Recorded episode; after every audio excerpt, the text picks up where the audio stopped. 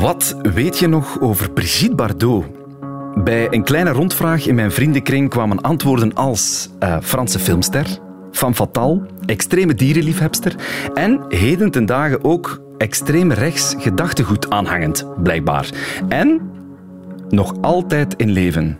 Dat bleek ook wel een misverstand te zijn.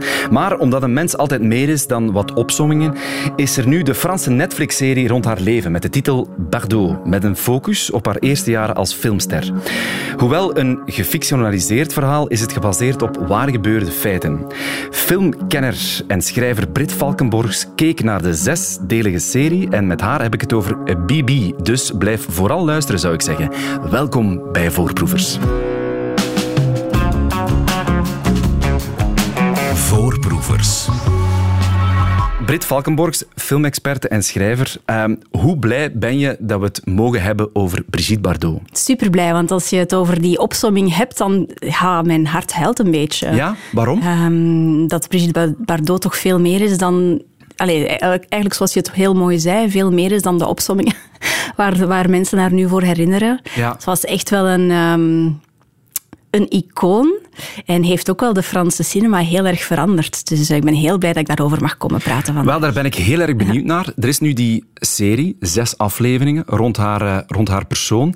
Maar wat wist jij van Brigitte Bardot voor je die serie bekeek? Ik wist heel veel over haar en haar, eh, de eerste films die ze heeft gedaan.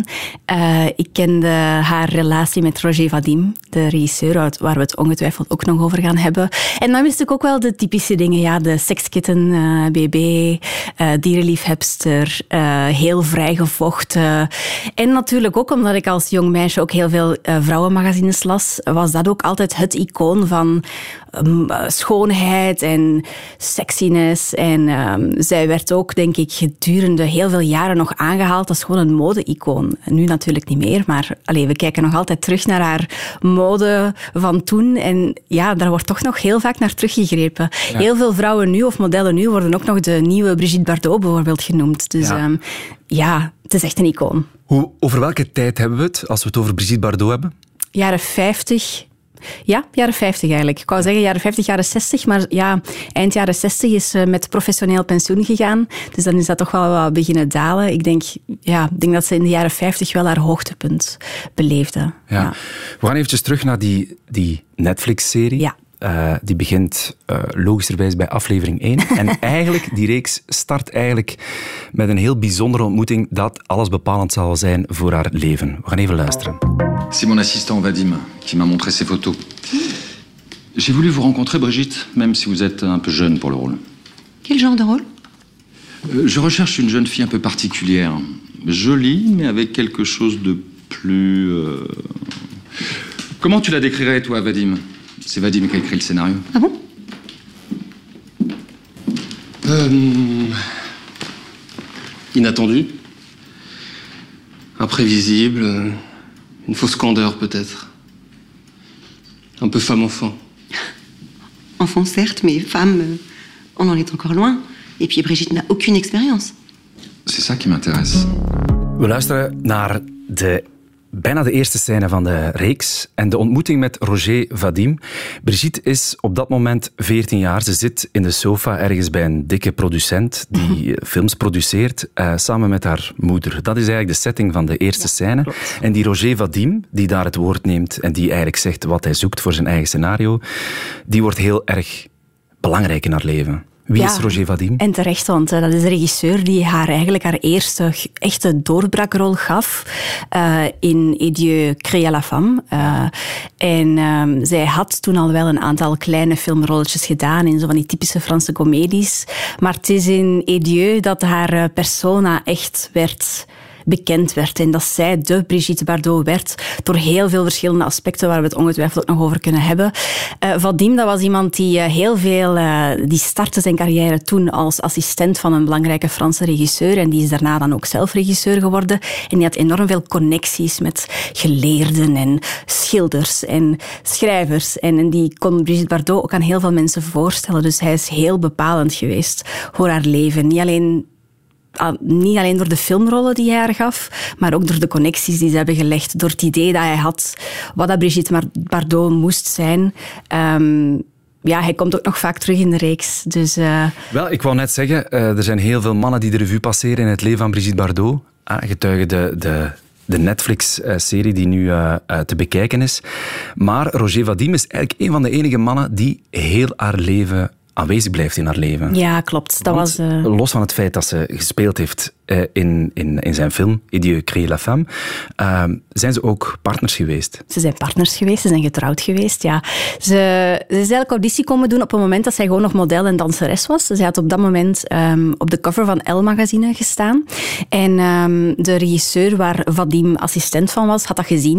En die had gezegd, Vadim, misschien moet je die eens contacteren. Vadim heeft dat gedaan en is dan meteen verliefd geworden. En ze hebben dan eigenlijk drie jaar zeg maar een affaire, affaire, mag ik het zo noemen? Ja, ze waren een koppel, maar eigenlijk mocht niemand dat weten, want zij was 15 en hij was, ik, was hij 26, hij was wel een pak ouder. Ja. Um, haar ouders vonden dat ook helemaal niet oké. Okay. Dus um, ja, ze zijn dan moeten trouwen als ze 18, allee, ze mogen trouwen als ze 18 was. Ja. Um, en eigenlijk verder in haar leven is Vadim ook heel belangrijk gebleven, ook al zijn ze gescheiden na, na twee jaar of zo. Ja. Al, hij is altijd dicht bij haar gebleven. Ja, hij is heel dicht bij haar gebleven. Ik denk dat, hij, dat zij hem ook altijd heeft vertrouwd tot op, tot op het punt dat hij in het einde van zijn carrière ook een memoir heeft geschreven en heel veel over Brigitte Bardot ook uh, heeft neergeschreven. Ja. Maar ze zijn wel heel close gebleven, heel lang. Hij is daar blijven adviseren, carrièregewijs, blijven voorstellen aan mensen. Hij was echt iemand die iedereen kende. Um, dus een, hij was een zeer belangrijk persoon in haar leven. Ja. Die eerste ontmoeting hebben we net gehoord tussen Vadim en Bardot. Dat is dan een relatie geworden die uh, ja, drie jaar in een duik was, zoals ze dat zeggen. Um, opge opgevoed in een heel streng katholiek gezin. En op een gegeven moment, ook in de reeks, uh, komt dan het moment dat ze gaan trouwen. En dan, uh, dan krijgen we deze dialoog te horen. De dialoog met haar ouders. Papa, maman, je vais vous faire de la peine, mais tant pis. Ça fait trois ans. Non, trois ans et deux mois que je fais l'amour avec Vadim. Vous fier de votre éducation, papa. Mais vous m'avez surtout appris l'hypocrisie. Depuis trois ans et deux mois, je vous mens tous les jours. Ça m'a rendue très malheureuse. Et été heureuse aussi. Grâce à Vadim. Grâce à Vadim, je me suis sentie aimée pour la première fois. Belle pour la première fois. Il m'a appris qui j'étais. Qui je suis vraiment. Et comme on dit, je suis pas celle que vous croyez. Je suis pas obéissante. Je suis pas sage. Je suis pas vierge. Ne soyez pas déçus. Vous m'avez aidé aussi. Vous avez voulu m'enfermer, du coup je sais ce que c'est que la liberté. Je veux pas vous choquer, mais la liberté c'est m'endormir nu, serré contre le corps de l'homme que j'aime. Alors ce soir, je vais pas m'endormir dans ma chambre de jeune fille. Ce soir,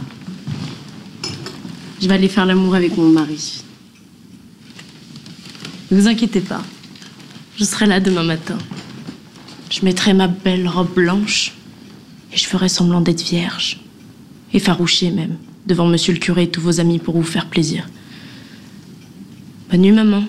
Bonne nuit, papa. Tu dis bonsoir, Vadim? Bonsoir.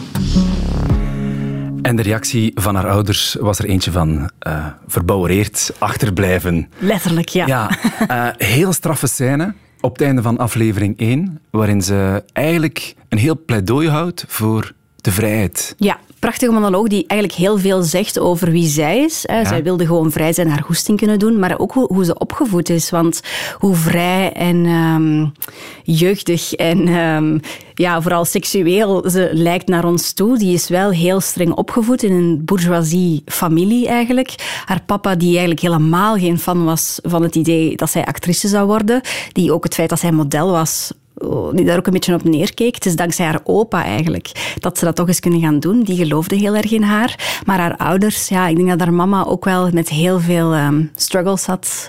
Um, die dat heel erg uitwerkte op Brigitte Bardot. En zoals we later ook zullen zien, heeft Brigitte Bardot heel veel um, hechtingsproblemen. En ik denk dat ze daar ook wel gekaderd wordt, hoe dat, dat van thuis af aan eigenlijk al meegegeven wordt. En dus in die monoloog hoor je inderdaad, ik wil gewoon vrij zijn, ik wil mijn ding kunnen doen. En dat is eigenlijk ook de rode draad doorheen de hele reeks nog. Ja, ja en de, de, het, het, het grote hechtingsverhaal, of het, of het, eh, ja, het moeilijk zich kunnen hechten, komt ook veelvuldig aan bod. Ja, het is eigenlijk opgebouwd. De afleveringen zijn letterlijk opgebouwd. Ja, kan je daar iets over zeggen, over de opbouw van, van, van de reeks? Het zijn zes afleveringen. Ja, Zit er een structuur in? Voor mij is de structuur heel duidelijk, namelijk de mannen in haar leven. En dus elke aflevering draait rond een man. Uh, aflevering 1 is dan Vadim. De tweede is dan de persoon waar ze Vadim mee bedriegt. Uh, Trintignant heet hij. Um, dan de derde is dan, uh, denk ik, die twee muzikanten waar ze dan affaires mee heeft. En dat gaat dan door. Ja. ja. het gaat dan door totdat ze um, met die komiek Charrier, Jacques Charrier ontmoet. en de allerlaatste aflevering draait rond de, ook een belangrijke man in haar leven waar ze niet zo um, blij mee was, haar eigen zoon. Ja, en zelfs het onderwerp van een proces, zo blijkt ook. Uh, ja, uh, dat, dat, krijg je, dat krijg je ook mee in, in de reeks. Um, de Netflix-reeks begint eigenlijk net voor de credits beginnen um, met de, de, de titel. Uh, het is een, een, fictief verhaal, maar wel gebaseerd op waar gebeurde feiten. Dat is ook een beetje om zich in te, in te dekken, lijkt mij. Zeker. Uh, Bardot zelf heeft niet meegewerkt aan de reeks. Uh, maar er komen natuurlijk wel heel veel grote personen en personages in voor, heel veel sterren ook. Ja. Um, je, je, kan daar niet zomaar over vertellen, vrees ik, zonder daar een, een, een, rechtszaak voor aan je been te hebben. Dus dat is inderdaad om zichzelf in te dekken. Dus ze hebben zich gebaseerd wel op de autobiografie die Bardot zelf heeft geschreven over haar leven, waar dat zij door, voor aangeklaagd is door haar ex-man en zoon. Um, en ze hebben alle dialogen eigenlijk zelf ingevuld. Dus je kan dat vergelijken met hoe The Crown is gemaakt. Dat is ook opgebouwd uit waar gebeurde dingen en de scenaristen hebben dan zelf de dialogen ingevuld. En dus er is heel veel waar gebeurd, maar hoe het exact is gebeurd, dat weten we eigenlijk nooit echt. Nu komt de vraag van Emilie Brit. Hou je vast aan de takken van de bomen. Wat vond je van de reeks, jij als filmkenner? Ik heb daar wel van genoten. Um, ik vond dat een fijne reeks om te zien, omdat het zo... Uh, um, hoe moet ik het zeggen? Ja, dat is een heel andere... Je ziet de, de, andere wereld en hoe zij is opgegroeid. En ja, het is ook in het Frans. En er zitten heel veel fijne acteurs in. De kleinzoon van Jean-Paul Belmondo bijvoorbeeld. Prachtige Ongelooflijk. Nog knapper dan Jean-Paul zelf was. Um, maar los daarvan vind ik misschien dat het belang van Bardot iets te hard wordt geminimaliseerd hier. Ze wordt hier heel erg als... Um, begrijp me niet verkeerd, ik vind het heel fijn dat ze niet neergezet wordt als een passief slachtoffer en oh, alles overkomt mij maar. Dat is zeker niet het geval. En die monoloog die je daarnet hebt laten horen, is daar mhm. zeker het bewijs van. Maar wat ik wel vind, is dat er totaal niet gekaderd wordt in welke tijdsgeest uh, dat allemaal heeft plaatsgevonden. Wat dat wel een superbelangrijke um, reden was waarom dat Bardot zo groot is geworden. Het feit dat zij zo vrijgevochten was. Ja, voor ons is dat wel leuk om naar te kijken, maar wij beseffen eigenlijk niet hoe belangrijk dat, dat was in die tijd. Het feit dat zij zoveel vriendjes had en um, uh, ook heel graag die seksualiteit wilde uitdragen. Dat was eigenlijk ongezien op dat, dat was ongezien, ook omdat er geen anticonceptie en geen... Abortus was illegaal, bijvoorbeeld. Dus mhm. dat was een hele andere tijdsgeest. Uh, anticonceptie was alleen beschikbaar voor meisjes uit de bourgeoisie die geld hadden. Uh, natuurlijk was Brigitte Bardot... Die kwam die zelf ook uit de bourgeoisie. Maar je had natuurlijk fans die helemaal niet... Ja, die konden niet voldoen aan die tijdsgeest, eigenlijk. En... Um, ja, er waren zoveel tegenstrijdigheden toen, wat haar zo interessant heeft gemaakt. Dus, en dat komt eigenlijk niet heel goed uit de reeks, vind ik. Dat vind ik heel jammer. Het is ook belangrijk om te zeggen dat de film eigenlijk vooral handelt een, een tiental jaren in haar filmcarrière, toch? Ja, het zijn uh, misschien, ja, je zou kunnen zeggen, misschien de tien belangrijkste jaren. Het zijn vooral de jaren waardoor dat ze ook uit het wespennest blijven van wat Brigitte Bardot nu is. Hè, want mhm. eigenlijk na haar professionele pensioen is er dan ja, die rechtszaak met haar man en zoon. Um, een affaire met uh, ene Franse muzikant. Hè, ja. Um, maar ook vooral het feit dat zij nu getrouwd is met uh, iemand die we wel best extreem rechts kunnen noemen. Ja. En zij heeft ook enkele racistische uitspraken en zo gedaan. Dus ik denk, moesten ze daaraan beginnen. Ik heb nu wel gezien dat de producenten door het succes van de reeks nadenken over een tweede reeks. Ja. Waar die um, Serge Gainsbourg um, ook in zou terugkomen. Um, maar ik denk dat het vooral is om zich in te, ja, in te dekken. Um, het is een, het is een veilige tijdsperiode ook. Ja, ja. En het, is ook een, het heeft een, be- een duidelijk begin, namelijk de ontmoeting met Vadim, ook wel de start van haar carrière. En het einde, de geboorte van haar zoontje.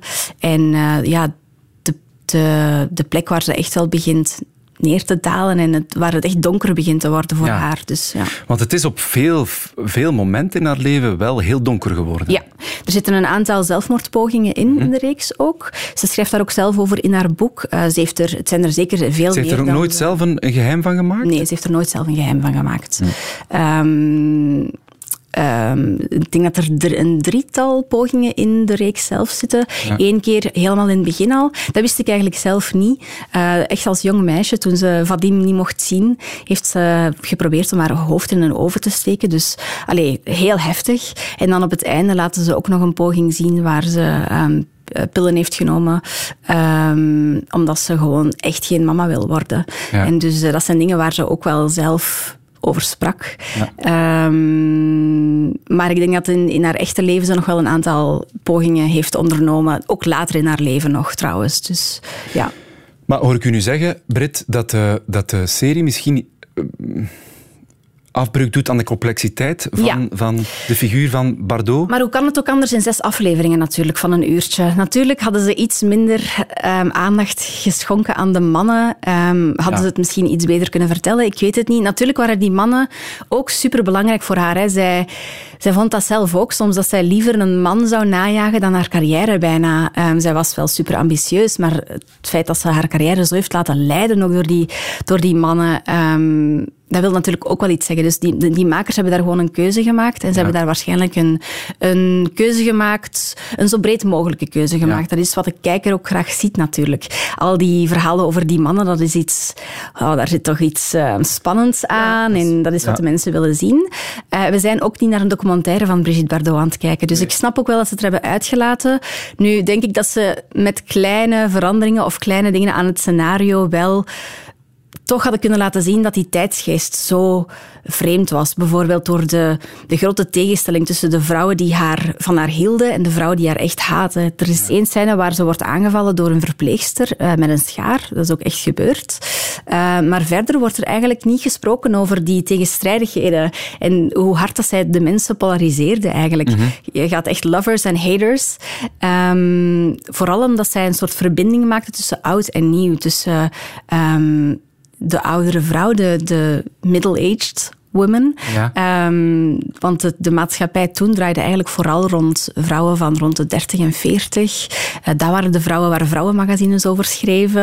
Het is toen Bri- Brigitte Bardot opkwam dat de jongerencultuur ineens heel belangrijk werd. Dus zij was een verbinding voor, voor oud en jong. Maar natuurlijk, verandering, dat komt nooit gemakkelijk. En dat komt altijd met heel veel tegenkanting. En dat is wat dat Brigitte Bardot, Brigitte Bardot heeft gemaakt. Ja. Eh, ja. Ik wil nog eventjes teruggaan naar, naar de reeks. Ik wil nog iets eh, laten horen. Ehm, na de, de zoveelste, ja, eh, hoe moet ik het zeggen, de, de, de, het, het inruilen van, van de ene man voor de andere man. Eh, dat kan natuurlijk niet ongestraft. En sommige mannen waren ook, zaten ook in een relatie.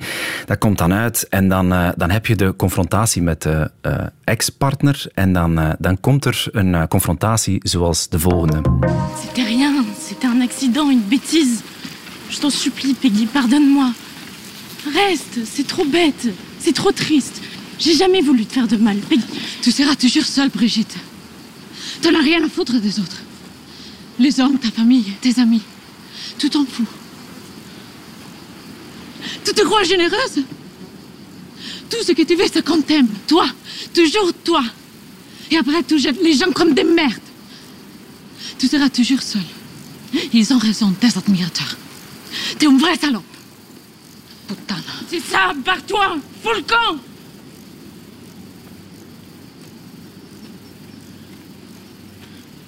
Je suis chez moi ici.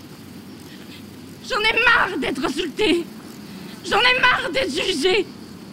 Je suis libre, je suis chez moi.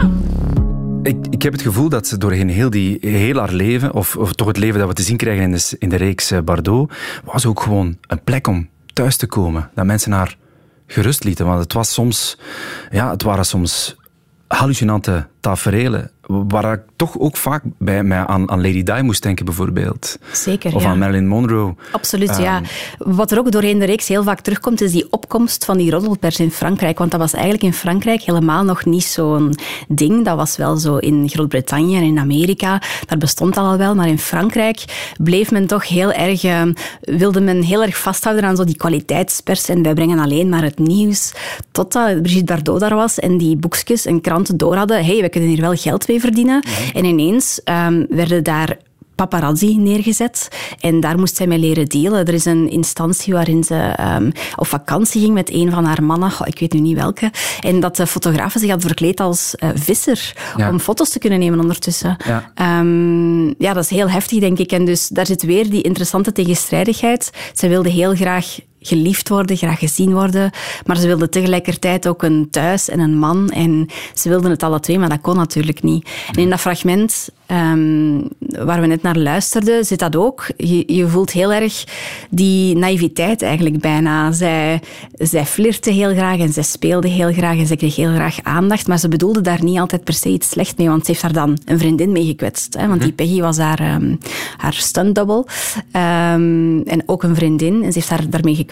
En ehm, zij dacht denk ik soms gewoon niet na over de consequenties van haar eigen daden en werd daar dan zo heel erg mee geconfronteerd. En ehm, ook dat was Brigitte Bardot. Langs de ene kant was zij die sekskitten, hoe ze haar noemde, en langs de andere kant ook een klein beetje Lolita, een, een onschuldig adolescent meisje die fouten maakt. En oeps, ja, eh, ik bedoelde het niet zo. Ja, heel, heel kwetsbaar bij momenten. Ja, enorm. Want ja. de actrice die haar speelt, die er overigens bijzonder goed op lijkt, dat hebben ze Wauw, heel goed gedaan.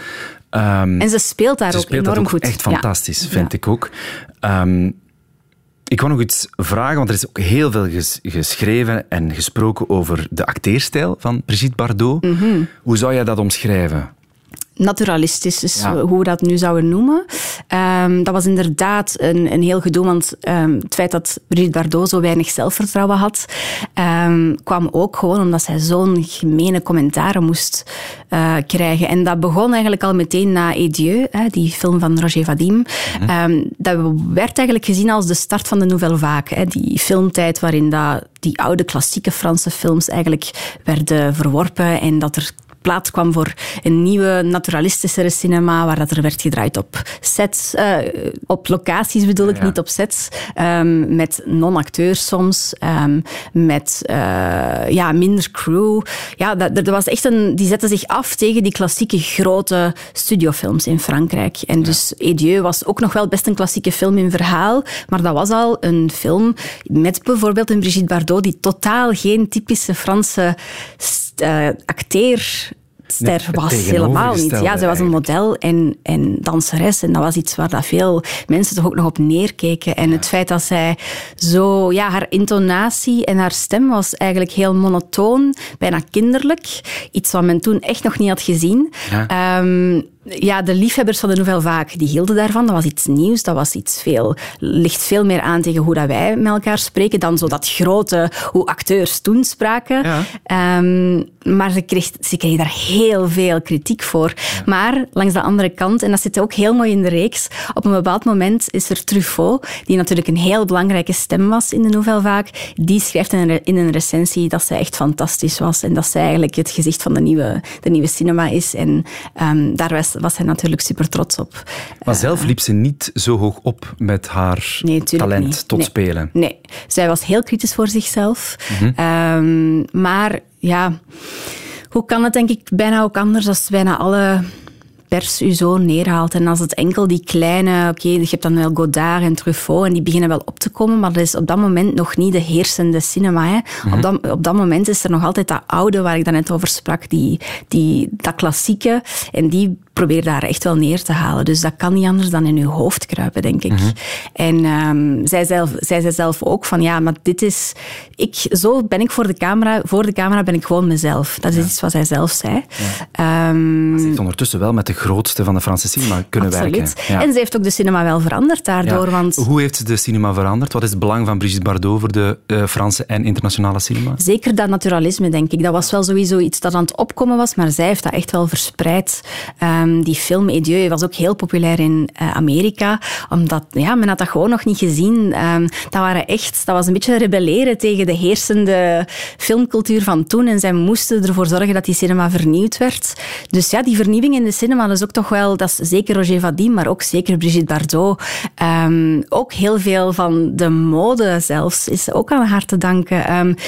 Iets heel typisch voor die tijd was dat bijvoorbeeld de, de klassieke vrouw in de film van die aansluitende, bij elkaar passende pakjes hadden. En die hadden dan zo handschoentjes en hoedjes, liefst in dezelfde stof. Maar Brigitte Bardot in Edieu had gewoon simpele kleren aan, had rokken aan. Op een bepaald moment zegt zij zelfs, oh, mijn kledij komt gewoon van de markt om aan te tonen, ik ben maar gewoon meisje. Ja, ook daarin is er heel erg vernieuwd. Um, die cinema van vroeger, dat was heel erg met kostuums. En ja, dat was toch wel best theatraal. En uh, gelukkig maar, denk ik, dat dat veranderd is en dat wij nu ook de cinema van nu nu hebben, die veel allez, realistischer en dichter bij ons staat, denk ik. Dus haar belang kan nauwelijks onderschat worden. Ja, absoluut. Dat vind ik wel. Het is zeker een samenloop van verschillende sterren, ook in Amerika. daar heb je James Dean in Amerika destijds, of andere sterren uit de Nouvelle Vague. Maar zeker Brigitte Bardot was door haar omvang, door de tegenkanting en de kritiek die zij kreeg, is zij wel die, een van de grootste. En het is dus heel jammer dat zij zo wordt, ehm, dat zij nu wordt gezien als de sekskitten en sekssymbool. En dat is ze zeker wel. Mhm. Maar ze is ook ja, veel meer dan dat. Ze heeft zeker de Franse cinema wel... Um, vernieuwd. Ja. Heb je zelf een favoriet van... Uh, als je moet kiezen tussen een van haar films? Ja, Edieu, dan denk ik gewoon door wat het heeft betekend. Ja, absoluut. Ja. En ik ben zelf ook een grote fan van de Nouvelle Vague. Um, het, eh, eigenlijk technisch gezien hoort hij niet bij de Nouvelle Vague, maar het is wel de, een van de eerste films die, zo, um, die zo, de film zo bekijkt. Uh, en het bijvoorbeeld met een kleinere crew doet, op locatie filmt. Dus ja, het belang daarvan is gewoon... Uh, daar ligt mijn hart wel. Uh, en ook het feit dat daar Bardot's carrière en persona ook is ontstaan. Want hoe wij nu over Bardot nadenken, dat is echt wel heel erg gelinkt aan die film Edieu. Mm um, omdat ze daar werd neergezet als iemand, als de sekskitten, maar ook als de Lolita, als de, degene die oud verbindt met nieuw, als, um, ja, zelfs, zij staat daar op een bepaald moment de mambo te dansen op jazzmuziek. Dat was ook ongezien, hè. Jazzmuziek, dat kwam uit Amerika toen. Um, in, de, in de klassiekere films was er klassieke muziek. Mm -hmm. uh, het feit dat daar jazzmuziek in zat, was ook heel vernieuwend. Ja, het is gewoon, die film heeft zoveel gedaan um, voor onze filmcultuur. Dus. En de reeks rond haar leven, uh, um, Bardot, nog altijd te zien op Netflix. Zou je ze aanraden, Brit? Ja, toch wel. Zeker omdat heel veel mensen gewoon heel weinig over Brigitte Bardot weten. En ook al zie je niet uh, welke impact Bardot heeft gehad op ons leven en op de cinema en, en ook wat het de tijdsgeest toen was, toch leer je, wel, leer je haar wel kennen. En ze wordt daar zeker niet neergezet als iemand die geleefd wordt door haar mannen. Nee, zij is wel degene die de keuzes maakt en de fouten maakt en daar ook uh, ja, agency voor opneemt. Dus ik vind het heel fijn dat ze geen passieve, dat ze echt wel actief is in de reeks. Dus ik vind het daarom zeker wel een aanrader. Um, ik, was met, ik was de reeks uh, aan het kijken en mijn mama, als mama liep voorbij en die was meteen zo, ah, oh, amai, een reeks over Bardot, ja, dat wil ik wel zien. En ik dacht, ja, zeker, kei tof, want um, dat is niet alleen nostalgisch, maar um, ja, het zijn zes afleveringen van een uur waar je haar wel echt beter leert kennen. En oké, ze gaan er niet zo diepgaand in als wij nu net hebben gedaan. Mm -hmm. um, maar je leert wel bijvoorbeeld, het, je leert Roger Vadim, Vadim kennen. Je leert die, al die andere mannen kennen. Um, je, je hebt echt wel door... Um, hoe dat die tien jaar eerste carrière, allez, die tien eerste jaren uit haar carrière eruit zagen. Ja, en het ziet er ook allemaal fantastisch goed uit. Absoluut, en de acteurs zijn ook heel goed. Ja. Dus, um, en ik onthoud ja. vooral, we kunnen het niet genoeg over Brigitte Bardot hebben, Britt. Absoluut. Voilà. Ik, uh, als je nog een uur wilt praten, ik ben er. Wel, we, we, doen dat. We, ik, ik, zeg nu eventjes dag, dag aan uh, alle luisteraars van de podcast. En wij praten nog honderd uit verder over uh, Brigitte Bardot. Dank je wel, Britt. Het was heel fijn. Super. Dit was een aflevering van de podcast Voorproevers. Wil je meer afleveringen horen over diverse onderwerpen? Dat kan. Dat vind je gewoon heel gemakkelijk terug op VRT Max.